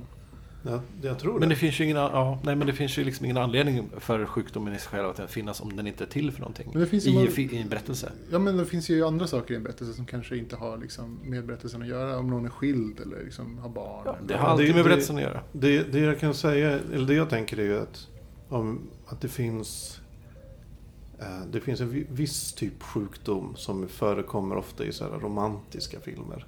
Och det är ju eh, den sexiga borderline-tjejen. Ja, ja. Eh, Att, och där blir hennes så här, ja men ni vet, hon är lite gränslös, hon är lite galen, hon kanske skär sig själv. Hon, hon liksom är helt tokig i sängen. Hon tar med en på, på så här galna upptåg och så här. Men har ändå lite sorg inom sig. Och så här. Att, att hennes sjukdom då bara är en, ett sätt för Ja, men att få liksom förföra en, en man. Precis som här, ett, ett fordon för frigörelse av typ Ja. motparten. Ja, men ungefär. Och, och det är så här så jävla grunt sätt att se på, på sjuk, alltså, sjukdomar i allmänhet. Ja, det blir inte som liksom att så här, 30, typ så här, vad blir 10 år senare, hur ska du förklara för ditt femåriga barn att mamma är sjuk? Ja, nej, precis. Mm. Liksom så här, försöka förklara det på ett bra sätt. Nej, det, det är ju bara att det, här, det är så härligt. Ja. Och så kanske, visst hon kanske, hon kanske gråter mycket och skriker och kastar något. Men det är liksom så här, hon är ändå sexig när hon gör det. Ja. Och på samma sätt om man tittar på män så, så, så skildras ju psykopater väldigt... eh, Inte, kanske inte alltid smickrande, men inte alltid att det är negativt. Mm. Att, jag menar, så alfahane-psykopater som är väldigt... Mm. Ta, ta Drive till exempel. Med Ryan Gosling. Jag tänker på Wall Street. Ja, Wall Street också. Men ja, i mitt minne ligger Drive närmare. Huvudpersonen, han är en alltså, kriminell psykopat. Mm. Och han framställs som liksom bara så här, så jävla snygg och sexig och cool. Tysta, Och, starka typ. ja. Men han är snygg i och för sig. ja, ja, han är ju snygg och sexig och cool. Men i verkligheten kanske han inte... Alltså det är... Och ingen skulle orkat med honom. Eller jag skulle aldrig orka med en sån person. Nej. Nej, det, det, det går ju inte. Men det är dels en tanke jag har om, om sjukdomar. Att de är, att de är bara... När, när de inte är huvudsaken i historien Mm. så är de bara tingeltangel. Ett verktyg. Men det är framförallt det som jag tänker på. För då tänker jag kanske mer på sjukdomar som att det är en ja, drivande verktyg. Som att, Det var någon film som såg häromdagen, jag kommer inte ihåg vilken. Det var också så här, det var någons fru var jättesjuk. Eh, och då var det ju då handlade filmen om att få tag på medicinen och så här. Så att det, hon, det var en, någon slags drivande kraft i bakgrunden. Så här. Men, men filmen handlar inte, inte om sjukdomen. Utan, Men det, ja, men då är det bara en, en anledning att gå ut och äventyra. ja, ja, Ja. precis. Fast det, det är Och ju samma- ja. Det är, jag tycker att det är intressant på något sätt att man inte kan, kan skildra en sjukdom i en historia utan att den tar alltså, en central plats. Det tycker jag på något sätt är väldigt så här, lite udda. För det är så himla vanligt att man blir sjuk, alltså att sjukdom finns. Alla är ju sjuka. Alla är ju sjuka vid något har tillfälle. kontakt med sjukdom. Ja, allvarlig eller- sjukdom. Ja, eller typ känner någon som är sjuk. Precis som du säger, kontakt och sådär. Ja. Liksom, så kontakten finns ju där. Och den påverkar ju väldigt starkt. Sådär. Men, men den är ju alltid närvarande. Och, och, men man fokuserar inte på den i sitt dagliga liv. Men, men i, en, i en berättelse så går det liksom inte att förbise det. Nej. Det liksom blir centralt. Ja, Fast det är ändå inte, jag menar som ta- ta eh, stackars Forrest Gumps mamma som, som blev sjuk och dog och sådär. Hon var ju inte en drivande grej Nej, i sant, filmen. sig. Hon var ju faktiskt bara en... eh, Hon kanske snarare var en karaktärsskapande... eh, Fast där är ju Forrest Gump sjuk på sitt sätt. ja, just det. och allt Ja, handlar är om att sant. han är sjuk. Det är ju faktiskt en film som handlar, om sjukdom och inte pratar om sjukdomen. Det är Han sant. är ju Mm, faktiskt... eh, Det är sant. Ja. Det är ett undantag. Men samtidigt, ja. Fast ändå handlar den ju om sjukdomen. Ja. Alltså det är allt. Du skulle inte kunna göra en Forrest Gump-film som fokuserade på den där tjejen han är kär med. Nej, nej. Det skulle bli jättekonstigt. Jaha, hon har någon, är någon konstig efterbliven kille som hon träffar då. då. Vad, vad är det här? Liksom. Ja, Bra film ändå, Forrest Gump. ja det är det faktiskt. Alltså, jag vill se den andra filmen om den här tjejen. Som, som har en så här äh, efterbliven kille som hon träffar lite då och då. Ja. Eh, inte det typ alla romantiska komedier. Jenny, vad heter hon? Heter hon inte Jenny? Jenny. Jenny. Ja, Ja, Jenny. jag måste se om den. Det är Mm. en bra skit. Ja, Jag vet inte, jag... Kanske den första filmen jag såg som hade som tydligt inte visade alla specialeffekter. Utan den hade, man visste om att det var fullproppad med specialeffekter, hur mycket som Ja. helst. Och den gjorde det snyggt och dol- dolde alla, alla Gjorde ingen tricks. nummer av det. Nej, precis. Naturlig På ett nytt sätt. Naturlig makeup. ja. Eh, nej men i, säger i um, The Last of Us, då stor del av, ja, mm, det är nog inte så mycket spoiler tror jag. Nej, det är det inte. Nej men en stor del av an, andra halvan av spelet kan jag väl säga handlar om, om, om att någon är lite sjuk och behöver medicin. Och Mm. återigen, då är ju äventyret att, att ge sig ut själv och hitta den här medicinen åt den här andra karaktären. Klassiker Mm. där. Hitta Klassiker. medicin. Ja, I både i rollspel, i film, i tv-spel, böcker. Mm. Asterix. Asterix. inte minst Ja, men det, det är alltså. verkligen en sån enorm klyscha. Ja. Fast det, det, alltså, jag kan ju tänka mig varför. Rent historiskt så måste det varit en stor grej. Det är bara nu för tiden som liksom, gå till doktorn, få medicin och gå till apoteket. Ja, men rent historiskt måste det dessutom varit omöjligt att liksom verkligen ge sig ut på ett äventyr och hitta den här jävla Men det är väl därför det är en historia om det liksom. Att den Ja. ska lyckas. Ja, inte, det är det är inte så här, du letar den jävla örten och hittar den aldrig. Går vilse i skogen och blir uppäten av en björn. Nej men precis, det är som att åh nej, eh, någon i byn är sjuk och vi måste hitta den där örten som finns på ett berg åt det där hållet. Och sen en livstidspromenad bort liksom så här. Det var, det var så det var förr. Ja, typ det var så här, skitjobbigt. Det blir ättestupan. Ja, ja. Kanske någon kommer tillbaks med medicinen. Mercy kill, mercy kill. Ja. Eh, Ja, nej, jag vet inte. Det, ja, intressant. Ett annat, en annan film som är på ett sätt handlar om sjukdom är Blade Runner. Att de här äh, replikanterna har Begränsad. så begränsat liv. Alltså Ja. de har en inbyggd ja, men döds, Ja, dödlig sjukdom. en simulerad eh, ja. dödstid. Det, Slags... är- det är väl i och för ja. sig en, bara en, en metafor för, för att vi människor också har ett begränsat liv. Mm. Ja. Men där blir det så tydligt. Jag blir så irriterad av kommentaren. eh, Typ såhär, the candle that burns twice as bright, twice half as long. Det, det är såhär, men såhär, varför, nej. Ingen vettig människa tänder ett ljus i båda ändarna. Nej men det kan som, brinner twice as bright. Ja. Måste det brinna fortare då? Det behöver inte vara att båda ändarna. Det kan vara att, att veken är gjord av... Att Det här skulle någon fysiker eller någon, någon kemist kanske kunna... Vi lägger ut det här på entreprenad till våra jag Brinner det inte, dubbelt så jag, fort? ja, alltså den, den kommentaren tyckte jag var lite irriterande. Just i det sammanhanget när det är så här äh, replikanter som ska vara väldigt lika människor. Och de, det är inte så att de är liksom gör dubbelt så mycket grejer. Eller så här. Det, det, liksom, det, historien på något sätt inte, så stödjer inte den, den, den kommentaren. Hur lång var livslängden för replikanterna? Fyra år. Fyra år. Det är ju konstigt. Det borde snarare vara liksom motsvarande lika många vuxna år. Ja, men fyra år. För att det ska simulera mänskligheten. jag kommer inte ihåg om det motiveras i Nej. filmen. Jag tror inte det. Men jag tror, man, jag gissar att det har med så här, det är så lång tid innan de här replikanterna börjar. Tänka själva. tänka själv, Ja. utveckla Det hänger för sig ihop med, så. med mänsklig utveckling. Man har inga, det är väldigt få personer som har minnen tidigare än fyra års ålder. Är det så? Mm. Ja, det kan jag tänka mig. Jag har inga. Har ni? Nej, Vet fyra inte. år. är Jag har väl konstruerade minnen som man fått berättat för sig. Och det, det tänkte jag på i, fan, igår, idag faktiskt tänka på just det. Ehm, är det därför man, man ammar innan den gränsen? För att man ska, det, det är byggt så att man ska inte komma ihåg att man, att Men man det är väl ingen som ammar. ammar i fyra år? Nej, exakt! Det är ingen som ammar mer än ett år. Eller det Är det få. inte? Det är ungefär lång- gränsen brukar Ja, men det finns jag, väl- jag har ingen barn. Men det, det är väl hon galna mamman i Game of Thrones? Ja, men fin, okej, säg att, att men är det, kan, det vara, kan det vara att Alltså, jag, jag kan mänskligheten tänka har uppfunnit att, att det är så här, att man inte ska komma ihåg ner till, ner till en månads ålder? För då måste, börjar man komma ihåg am, amningen. Nej, vet jag, inte, jag tror, tänker jag mig tror inte det att- har med saken att göra. Jag har utveckling, i och för sig lite självbevarelsedrift också. Jag tror inte att någon förälder är särskilt du- duktig de första tiden när allting är som jobbigast. Ja. Det är lika bra, tycker jag. Däremot är amningen är anledningen till att typ alla människor är så jävla bröstfixerade. Det är eh, definitivt så. Absolut. Garanterat. Mm. Ja, jag, jag, Och det blir inget konstigt Nej. egentligen.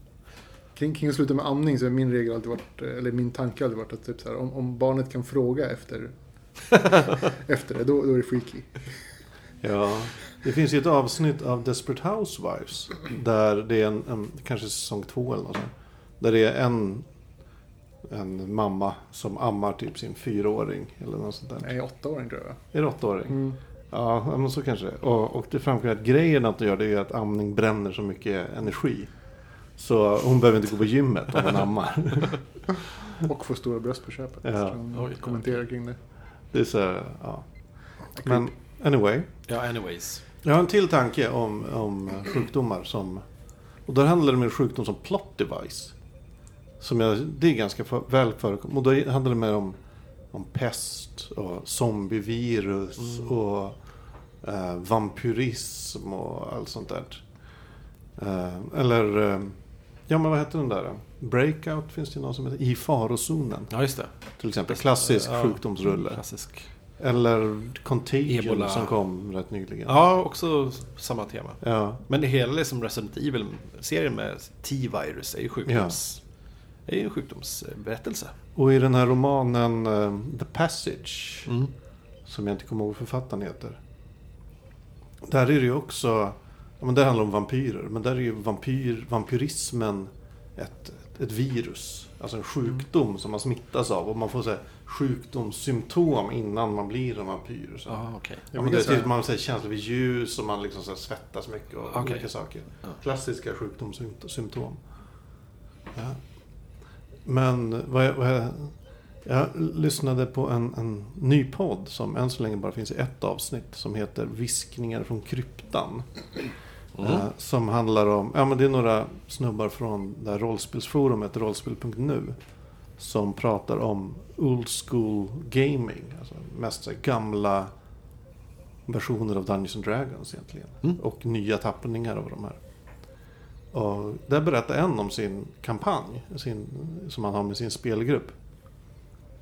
Och där, där var premissen var så här att eh, under typ 100, jag kommer inte ihåg hur lång tid det var, säg 200 års tid. Så hade ett visst område i den här världen varit infekterat. Alltså det var en pest i det området. Och gick man in där så dog man. Man blev sjuk, det var jättefarligt. Och när, när spelet startar så har det liksom kommit som man fattat att okej, den här pesten har liksom dött ut nu. Så nu kan man ge sig in i det här området som varit orört i 300 år. Ingen människa har liksom varit Mm. inne där. Och så kan man utforska det och se vad som finns där inne. Och, så. Ja. och det tycker jag är ett jävligt spännande sätt att använda just här pest, Ja, just sjukdomsgrejen i, i rollspel i alla fall. Eller Som någon ett- slags liksom, apokalyps, katastrof. Ja, så, precis. Mm. Man kommer in och ser det. Här är det bara... I den här landshörnan så har det bara varit... Det är bara, man vet inte vad som finns där. I, i uh, Shadowrun så använder de ju sjukdom som en, som en, som en plot device på sitt sätt. Det, hela, det bygger ju på liksom att, att den här sudden goblinization. Alltså när man blir ett sagoväsen. Är ju Just liksom, det. det är ju liksom en sjukdom, som en sjukdom. Det är en fantastisk värld. Mm, det Men det är, intressant sätt att det på. Jag tycker det är också jag tycker det är väldigt spännande att, eh, att liksom pesten, alltså våran pest från 1000-talet eller fan, när det nu var. När var det? Jag kommer inte ihåg tid. 1300? Ja, där Känns som senare. 1400-talet, 1200-talet. Nej, inte. Ja, men där Säg Ja. ja. Säg någonstans efter och, nej skitsamma, jag vet inte. Nej, oh, gud, Anyway. min kunskap, kunskapsluckor. Eh, anyway. Det, det är intressant att det har slagit så himla hårt på mänsklighetens psyke. Att det liksom fortfarande byggs sådana såna historier. Ja. Det tycker jag är fantastiskt. Att liksom, imp- alltså, inverkan på, på mänskligheten har varit så stor. Mm. Det måste ju varit ett... hur mycket var det? Var det tredje person dog? Eller vad var det? Jag har ingen aning. Ja, det var jätte, jättemånga som dog. Eh, 13 till 1400-talet verkar det som. Digerdöden. Ja, precis. Mm. Eh, det var ju, ja, men, ja, och det var ju kanske då man började liksom skriva ner saker och, spara dem på ett bättre sätt. Så att det, vi har berättelser kvar kanske på något sätt. Ja, alltså, det, det är Det är det. fantastiskt att den, att den inverkan har varit så stor att den fortfarande lever kvar. Att liksom, sådana historier fortfarande berättas. Ja, ja. Och så här, fågelinfluensan och allt sånt där. Skräcken liksom fortfarande finns kvar. Ja. Mm. På tal Det- om eh, när SARS-viruset var, var, var stort. Nascar-viruset. SARS. Ja. Nascar-viruset, ja just det. Så var jag på eh, Linköpings spelkonvent på Lincoln. Och så fanns det då det, det, det, det, otre, det olyckliga namnet eh, Svensk-Asiatiska Rollspelssällskapet. Nej. Åh, vad jobbigt. Ja, det var lite trist. Eller lite lustigt. Ja. Många står det. Men det är just pesten, eller digerdöden påverkade ju eh, Europa. Alltså på ett sätt som gjorde att vi fick sånt jävla försprång Mm. mot andra där. Eftersom eh, ja, men plötsligt fanns det mycket odlingsbar mark och ja, men du vet, massa så här. Man, de som förut stod på, hade bara en liten plätt att odla på, fick plötsligt alla sina grannars åkrar och kunde börja odla mycket mer och, ja, och så vidare. Kan läsa här bara liksom böldpest, eh, pesten då, det är ju liksom egentligen böldpest, lungpest och blodpest. Bara på bl- lungpest och blodpest är så här 100% dödlighet. Och vad böldpest då har 30, eh, mellan 30 och 70% dödlighet. Det är inte så högt.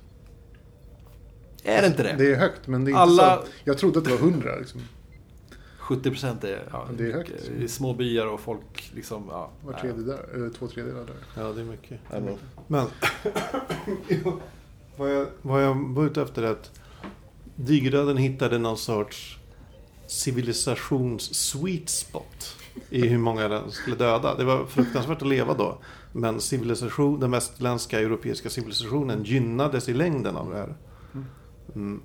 Eh, Kim Stanley Robinson, en väldigt intressant författare, skrev en bok som heter The Years of Rise and Salt. Som utgår från, ja men tänk om digerdöden hade, hade dödat, inte 30% men 70% av Europas befolkning. Mm. Hur hade världen sett ut då? Och vilket då såklart eh, i princip hade inneburit att ja, men Konstantinopel hade liksom erövrat hela, hela Europa. Så här, att, att Mm. Mellanöstern hade varit den dominerande. Ehm, Och, och speciellt då den arabiska eh, kulturen hade ju dominerat. Så. Mm. Vilken är en fantastisk bok på alla sätt. Jag kan rekommendera den. Men vad jag var ute efter är att det är liksom sjukdomen som...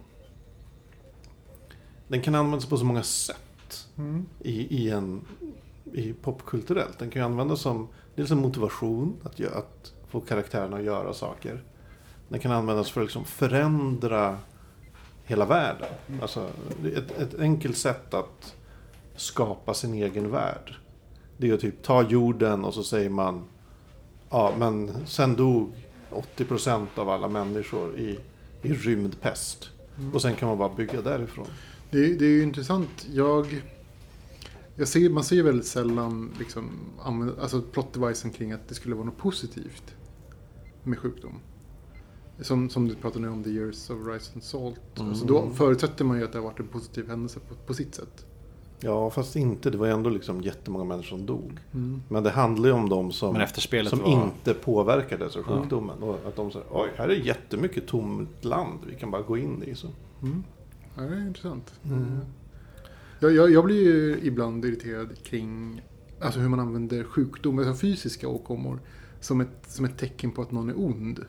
Ja, just det. Att Nu, man- nu görs ju inte det lika mycket nu för tiden.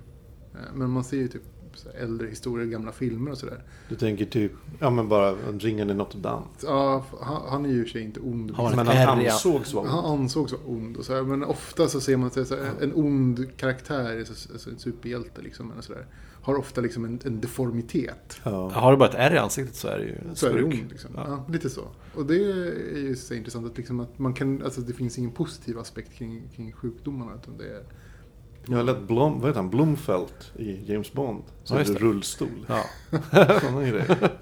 sant. ja, det, det är ju så här, äh, bara för att visa liksom hur, hur pass liksom stigmatiserat det är. Mm. Ja.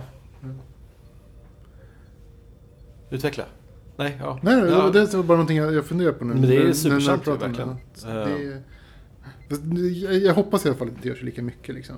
Men, men det är fortfarande så att många superskurkarna är ju vanställda.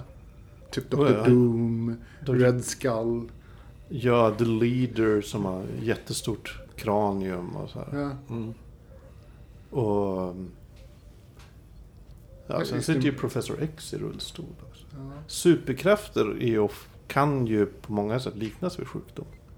Alltså, inte liknas, men det, det behandlas ofta som någon sorts sjukdom. Ta, se X-Men till exempel.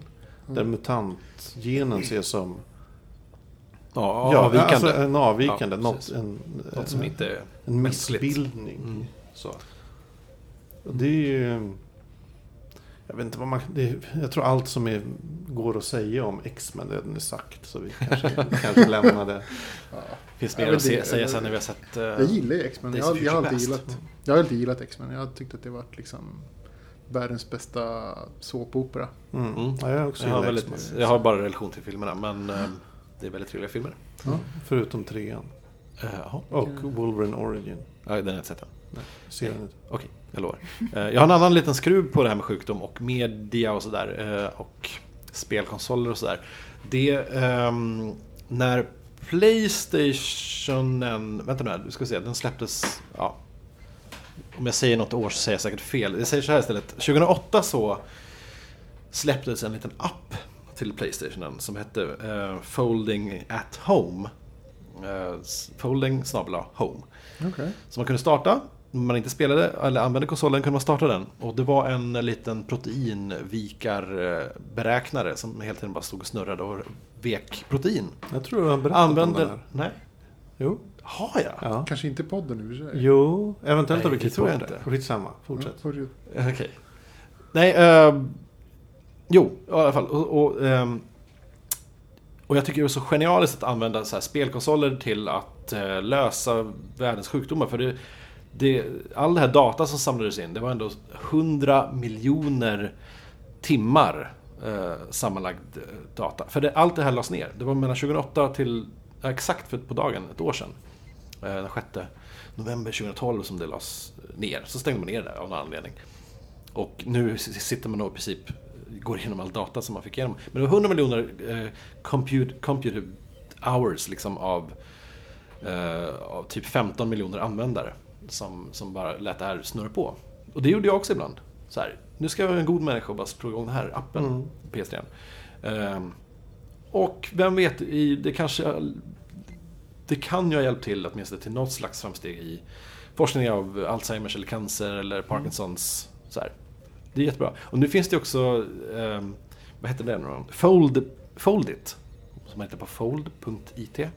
Eh, som är ett spel som man kan eh, ladda ner och spela. Eh, typ tävla mot sig själv eller tävla mot andra i en community. Liksom att vika, vika proteinstrukturer.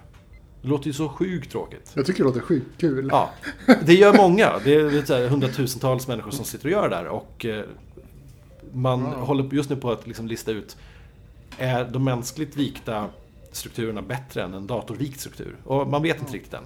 Så det, att låter, det låter jättekul. Det Mm. låter som någonting jag skulle kunna göra. det, Fold.it då. Jag spelade ju ett, ett spel som heter Free Rise Ja. väldigt länge. Som var liksom ett eh, ordspel. Man skulle... Eh, ska se, man fick ett ord på engelska. Och sen Ja. så skulle man gissa, eller inte gissa, man skulle säga vilket, vad det betydde. Alltså de hade ett ord Okej. och sen så hade de tre olika val och sen så. Ja, lite som, okej, förlåt. Lite som, vad ska man kalla det för? Lite som, eh, Jag tänkte säga, eh, eh, ett tag minns jag att det var så på Google bildsöket. mhm. Att man kunde, göra, att man kunde gå in, gå in i någon slags snurra där. Och så fick man en bild och så skulle man beskriva den. okej. Nej, Eh, och sen s- s- beskrev man den samtidigt mot en annan användare någonstans i hela andra världen. Det här- det här påminner väl lite mer om högskoleprovet. Okej, oj. så här, vad betyder nappåtag? Är det liksom Ja, just det det. här, det här, det här? Ett typiskt exempel också. Ja. Ja, bra. Eh, och sådär. Ja, och, men eh, när, när man spelade tillräckligt mycket så för varje liksom, vinst så gav man ett riskorn till behövande människor. Och så kunde man säkert spela så länge man orkade. Ett riskorn. Det är Ja, men- fan inte mycket. Jag förstår att så här, åh, Per- det blir många riskorn, jag förstår Per den grejen. rätt svar. Det blir ju ganska många riskorn Ja, men vad fan, ge 70 riskorn istället per rätt svar. Vad är problemet? Ja, lär- tycker jag. Snålt. det är samma som, jag hatar när folk twittrar så här. För varje retweet ger jag en krona till Cancerfonden. Ge pengar ändå ditt jävla Ja. liksom, egosvin. jävla stört. Varför var ska, du bara- behöva, varför ska du behöva få retweets för att ge Det här pengar? var bara ett spel man gick in och spelade lite grann. Ja, men då, Då gör köper du det ju i bara ditt det. eget hem. Ja, så här, alltså, utan att skry, skylta med det. Nej, nej, gud nej. Det var mest Så roligt. jävla Jag tröttsamt. tyckte det var roligt för att det var väldigt mycket. Det, det, det var en sån här, det, eh, svårighetsgraden ökade för varje rätt svar man gjorde. Okej. Och det var engelska ord då. Så det var verkligen så här. Till vilken nivå kom du? Mm. hur, hur pass många ord kan du? Väldigt roligt. Det finns även här andra, ett annat spel som heter Philo, P-H-Y-L-O. Mm. Som, där man ska matcha på något sätt genstrukturer mot, mellan varelser. Alltså människa mot vissa djur. För att kunna på något sätt systematisera upp våran genom på något sätt. Okej. Eh, den hade lite krångligare webbadress som jag inte kommer ihåg. Men uh, ja, Philo kan också kika in på. Ja, Jag tycker det är kul. Men eh, passa på att vik lite uh, göra. Jag proteinstrukturer. har lite ont om tid just nu, men eh, en, absolut. Om det fanns en app Det till finns som iPhone. skärmsläckare också. Det finns en som app till iPhone. Man kan sitta så här på tunnelbanan. och Eh, på nej, det. men det finns en skärmsläckare så kan du bara, du vet, ha den på jobbet så kan du bara gå från jobbet och så låta din dator lösa världens sjukdomar. Mm. När du är hemma. Ja. Eh, Ja. Som sagt, när jag tänkte på sjukdom, vi pratade ju om det här, liksom, vad ska vi prata om? Så, så tänkte jag liksom populärkultur som, som en sjukdom. Mm. Hur ofta liksom man, man får det, i alla fall jag, kan, i mina kretsar får det slängt i ansiktet på något sätt. Att liksom så här, att... så här, Du menar att man, man, man knarkar tv-serier och man... Till World of exempel. Warcraft-beroende. Lite sånt då. Mm. Så här att, Arrested Development, det är sjuk humor. Nej, det var inte riktigt det du menade. Nej. eller varför inte? Ja, okej. Varför inte? Nej, men så här, det får man ju liksom så här, om och om igen, tycker jag, serverat på sig. Så här, hur, ofta, liksom, hur, många, hur ofta återkommande ser man inte de liksom, löpsedlarna? Typ Jo, så jo. här, spelberoende, typ Mm. så här, videovåldet och så vidare. Och så vidare. Mm. Ja, fast videovåldet är väl... Ja, men det har väl en tanke då att, populärkultur smittar. Ja, och att Att det liksom... man ser smittar ner. Om jag ser någon döda någon så blir jag smittad och vill döda någon själv. Precis. Ja, visst det. Det är en... Det kom, en, en bekant till mig, eh, Tommy... Shit, jag kommer inte ihåg vad han heter. Förlåt Tommy. Eh, skitsamma. Han, eh, han eh, Förlåt, skitsamma. pl, pluggar på... Eller pluggar. Han, han är... Ah, vid universitetet i Växjö. Han pluggar inte. Han är typ professor där. Eller lektor eller någonting. Oj, oj. Och han ger nu i dagarna ut en bok som handlar just om, om eh, masshysteri. Eller Mm. vad fan är det ordet jag letar efter? Gruppdynamik? Nej. Det här att alla blir rädda över videovåld och så är videovåld. Moralpanik. Ja. Aha, okej. Ja. ja. Det var bara det jag ville säga. Okej. Nej, jag hade inget. Inget vidare. Jag, jag, jag tappade bort mig att jag stakar mig så mycket så jag glömde bort vad jag ville säga. Ja. Kanske klipper bort Det det. kanske du klipper bort sen. Mm. Stakningen. Ja, nej, men jag, jag, jag, har ju funderat på det, liksom, så här, hur, hur ofta... Så, eh, som jag spelar spel och har liksom i min ungdom... Lustigt nog kallas inte det för spelberoende. Det är något Eh, helt annat. Nej, alltså det är ju tv-spelsberoende. Eller Ja. jag vet inte vad de Mm. säger. Spelberoende är ju en helt annan grej än man är beroende kring att satsa pengar på spel. Ja. Hänger väl ihop på sitt sätt. Eller folk drar den parallellen. Liksom, de hänger ihop de sakerna väldigt lätt. Jag gör ju inte det. För mig Jag, jag helt... tror det är sällan någon blir beroende av alltså själva pokerspelet. Om du förstår vad jag menar. Ja. Folk blir väl beroende på att det finns pengar. där. Ja. Eller alltså som precis. senast nu, absolut senast var jag lyssnade på vad de pratade om så här, beroende till Candy Crush-beroendet. Liksom. Ja. ja, man kan tänka mig. Men det är väl klart Men det är ju ett reellt beroende. Alltså det är ju... Man kan ju bli beroende av det. Mm. Jo, men, men å andra sidan, om man har den typen av, av liksom sinnesläggning, så om det inte är det så är det ju någonting annat. Ja, Absolut. det, det är en viktig poäng. Alltså om någon blir sjukligt beroende av, säg Candy Crush eller World of Warcraft. Så är ju det ett symptom. Det är ju inte sjukdomen i sig. Och självklart finns det folk som ser på våldsfilm och går ut och spöar ner folk. Men det är ju, det är ju också ett symptom på något annat. Mm, Ja, Kass uppväxt eller vad som helst. Ja, eller det, har ingenting man med, det har ingenting per se med fast filmen att i göra. ett själlöst äktenskap och därför flyr till World of Warcraft Ja. eller något sånt där. Ja. Eller att man är mobbad eller att man är... Ja. Det är ju inte så här att jag blir beroende av World of Warcraft och sen går resten av mitt liv åt helvete. Utan det är att något är riktigt åt helvete i ens liv Mm. och sen blir man beroende. Och även om- Eller har jag fel? Alltså det är väl klart att folk Ja, skulle kunna säga typ att det, det började med World of Warcraft. Ja. Men å andra sidan så hade det inte börjat med det så hade det börjat med någonting annat. Mm. Eh, det är väl lika mycket som att folk säger det började med alkohol. Liksom. Eller det började Ja. med, med, med golf. Mm. Det började med burgare, säger man också. Ja. Det börjar ju alltid någonstans, sen blir det värre. Jo, och det är väl klart att så här, visst, det, det här kan vara liksom en utryggande faktor. Och de, de är ju, alltså spel är ju designade för att vara roliga och för att vara immersive. Och, liksom, och att man ska vilja spela mer för att det är roligt. Mm. Så det är väl klart att liksom det, det är, det kan ju hända att, att, att det blir liksom en effekt. Men, men det är ju sällan själva grundanledningen. Och hade det inte, som jag brukar tänka, hade det inte varit det så hade det varit någonting annat. Mm. Mm. Absolut. Det är liksom inte så att en helt normal person spelar lite spel och sen så helt, helt plötsligt sitter fast. Tar, är lycklig och glad i, i övrigt och liksom har ingenting annat här, att önska sig och sen så helt plötsligt bara plopp. Sen tror jag, sen slängs nog ordet beroende runt lite, lite så här vidlyftigt här. Alltså, alltså Ja. Mm. definitionen av beroende i någon sorts klinisk term är ju mycket smalare än vad som används när man Ja. snackar Candy Crush-beroende. Att man spelar mycket någonting behöver inte betyda att man är beroende av det. Men, om, man- men om man tänker sig liksom eh, Mm. sjukdomens liksom ondska. Ja. Inneboende ondska så som vi uppfattar. Eller så om, om man, man, man ser ju sällan som, som vi sa förut, liksom en positiv sjukdom i en positiv bemärkelse. Att det tillför sig någonting bra. Utan det är alltid någonting dåligt. Och sen liksom, utvecklar det vidare till populärkulturen. Att man börjar se det som någon slags liksom, sjukdomstillstånd. Att man konsumerar populärkultur. Att det är liksom lite nesligt. Lite, Ja. lite dåligt.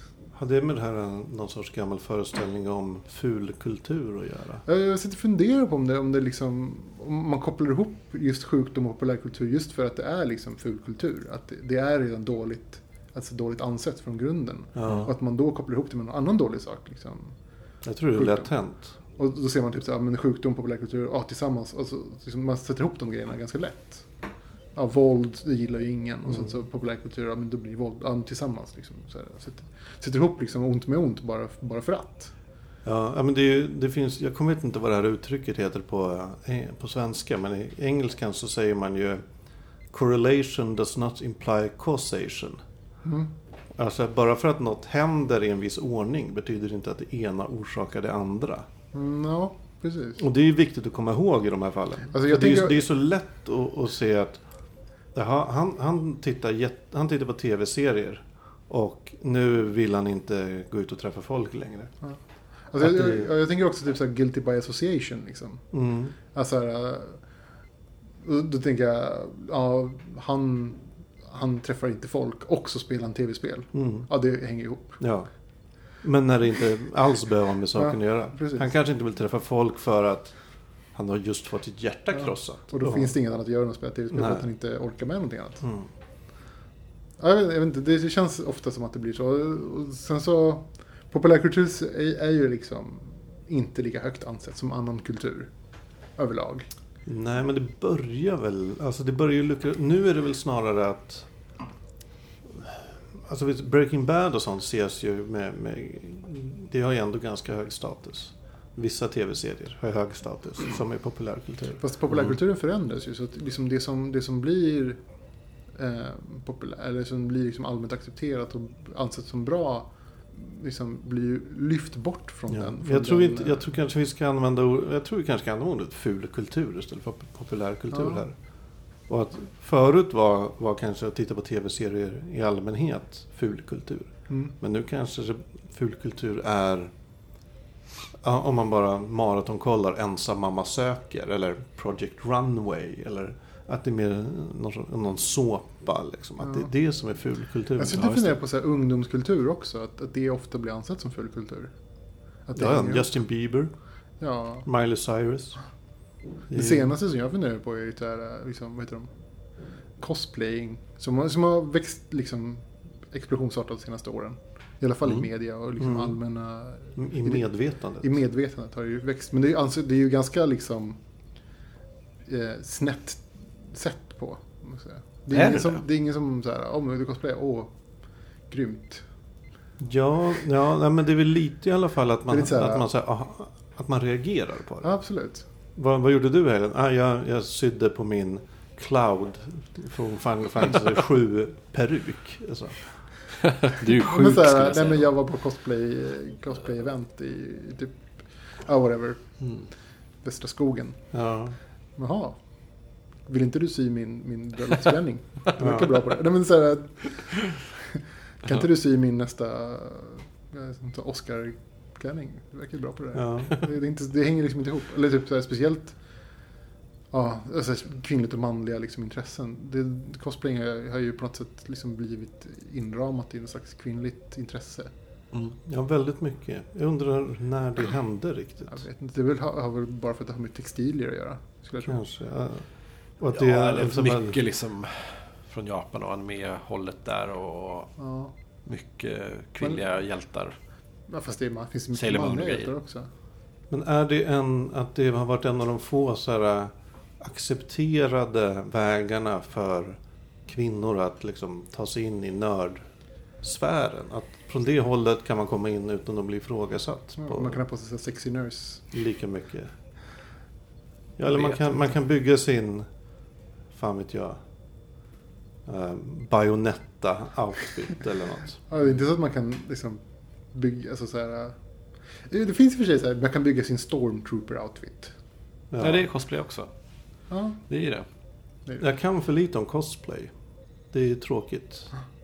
Jag borde lära mig mer om det. Nej men det är väl som, som eh, vad ska man kunna kalla det för då? Uh, Fan-based maskis liksom. Ja. Kanske ska börja med det. Jag är framförallt intresserad av så här, drivkraften bakom det. Alltså jag, jag kan förstå den fullt ut. Jag kan verkligen förstå den. Att det är en sån här hantverksskicklighet-grej. Ja, men det, så det skulle ju vara jättekul att få, alltså, så att ta sin favoritkaraktär och bygga liksom en, en, en, liksom en dräkten. Mm. Och få liksom leva sig in i det där. Framförallt i USA också när det är mycket, ja säkert i Asien också sådär, men när det är mycket tävlingar runt cosplay.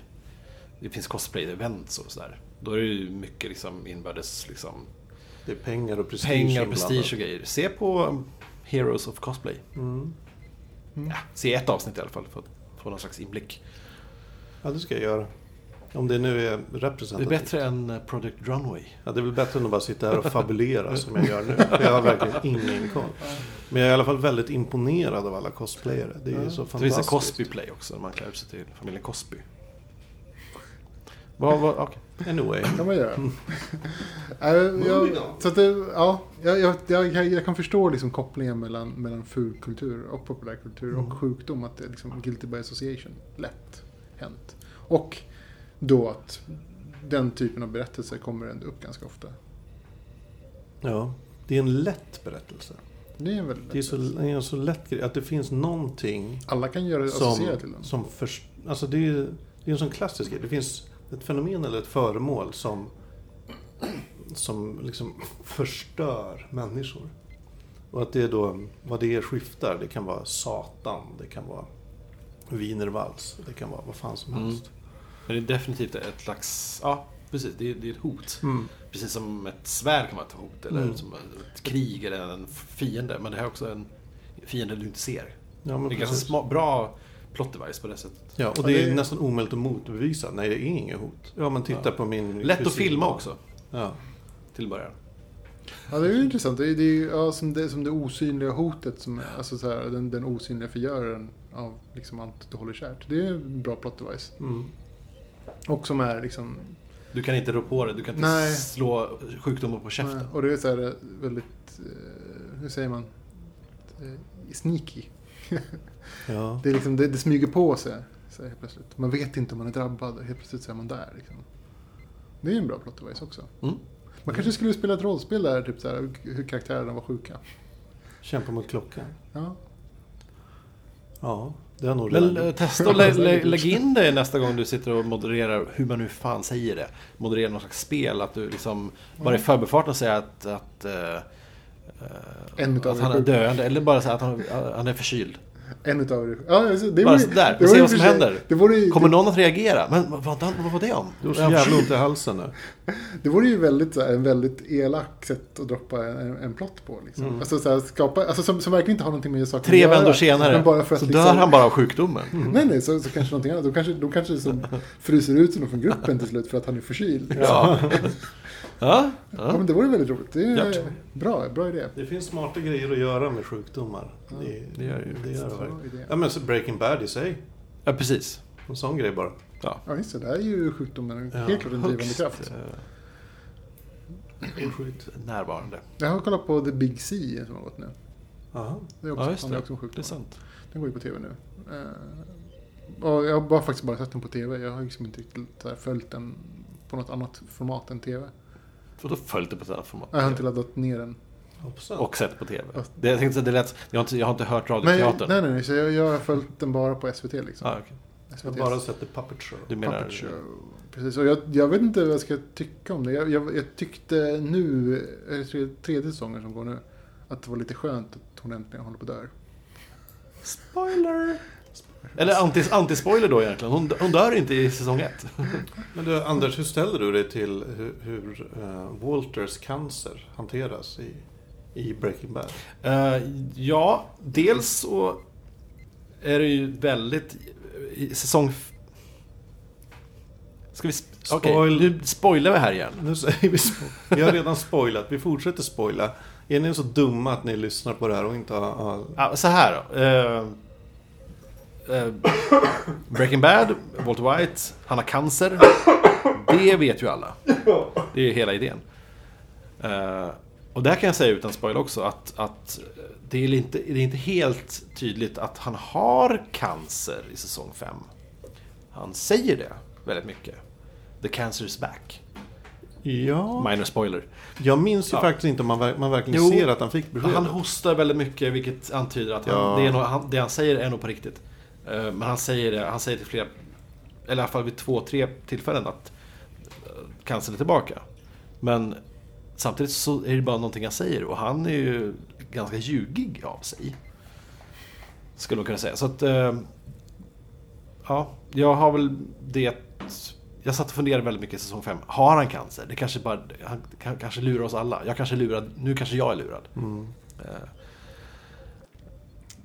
Men var det liksom den stora drivkraften bakom hans agerande? Jag har inget, ja, jo, men jag har inga Jag speciella inte. åsikter om eh, Men har liksom, drivkraften ta, i sig. Att, men jag tänker så här, det var ju drivkraften bakom liksom, första säsongen. jo, Att han hade cancer, det var därför han gjorde liksom det han gjorde. Men, men får liksom hans agerande i eget liv så att liksom cancern blir en, en, en, en redundant sidosak. liksom. Ja. I, I vissa episoder är det ju verk, eller vissa delar av serien är ju cancern en bisak. Och i stor del av serien är ju cancern inte där ens. Mm. Och sen skulle jag väl in, inte vilja säga att det är, cancern är drivkraften. Cancern är hans alibi. Mm, okej. Mm, skulle just det. säga. Ja. Ja. Att han använder det som svepskäl för att Ja. kunna få göra det, det som man vill. Det som han alltid hade velat göra. Vilket är så att bryta sig loss från, från liksom vardagen. Ja, precis. Lyssna på vårt avsnitt där vi pratar Jag har gjort om- Ja, bra. Eller se, ja, just det. Eller se serien. Eller se serien. Ja. Fast i ditt fall spelar det ingen roll. Nej, det är För du är ospoilbar. Jo, eh, Unspoilable. Mm. Men hörni, är vi, är vi klara här kanske? Ja, Ja, alltså, det känns som att det finns mer att gräva i, men jag tror inte Mm. att jag kommer fram med något, något så mycket Vi mer. kanske återkommer med, med the Har ni finals. åsikter och egna idéer, ni som lyssnar, så fan mejla in eller skriv till oss på Twitter eller så. så Hej, fuckpod.se. Hej snabel faktiskt. Snabel A, fuckpod.se. Jag kan tipsa om eh, en bra Tumblr så länge. Gjort. Nazis with cats. Ja, du Jaha. visade det. Du länkade den idag. Det är Ja. fantastiskt. Okej, jag kollade aldrig. Apropå guilt by association. Ja. Jag tänkte så här, det är, Katter typ, är nazister. det är ett typiskt bevis på att katter är onda. Ja, okej. De hänger ju med nazister. Jag såg en bild på en katt som är väldigt lik ut som Hitler häromdagen. Jag, Men det finns visst, en- man har sett många, i Det många finns en år. hel hemsida som heter Cats is- Jo, men jag såg den, den ultimata Hitlerkatten häromdagen. Jag Mm. kanske kan lägga upp den i, i the annotations av det här avsnittet det. På, på fackpodd.se. Mm. Nazis with cats är för bilder på nazister med katter. Alltså jag tycker vi ska uppmuntra folk att gå in på fuckpod.se och diskutera i kommentarsfältet. Ja! Läs Gör hellre det än att mejla eller twittra till oss. Ja, för, jag, för, för, för mig, eh, jag lägger... Jag, det är inte bara för att jag lägger ner jobb på det, men, men eh, jag tror att som lyssnare skulle det vara ganska kul. Det är matnyttigt med, med massor med länkar som Ja. vi lägger ut. Ni kommer Alltså- älska det. Fuckpod.se, the, the cat's bollocks. Allt vi i princip pratar om eh, länkar vi till också. Bees knees. Mm. Alltså det är väldigt roliga show notes du har gjort måste jag säga. Ja. För, alla er som inte har sett show notesen, gör Jag brukar det. vara lite full när jag skriver. igenom dem. Det, det är en härlig ton. En härlig bra. ton. Mm. Jag gillar Okej. den. Härliga. Photoshop-arbeten. Ja, verkligen. Av olika kvaliteter. Mycket bra Eh, photoshops. Ja. Ja, men som sagt, ni kan följa oss på atfuckpod. Eller följa oss personligen. Jag heter Gorillotaur och Anders heter Milbot. ja, eller följ oss verkligen personligen. Typ när jag går till jobbet Nej, gör inte det. så- kan ni bara gå inte det. efter mig. Det vore jättejobbigt. Ivan heter Myrdin X Ja, på the Twitter. Twitter. just Tja det. då då. Ja, fan vad bra. Då, då kanske vi säger hej då för den här gången. Ja. Hej då och fuck you. Fuck. ja, ja, just det. Hej!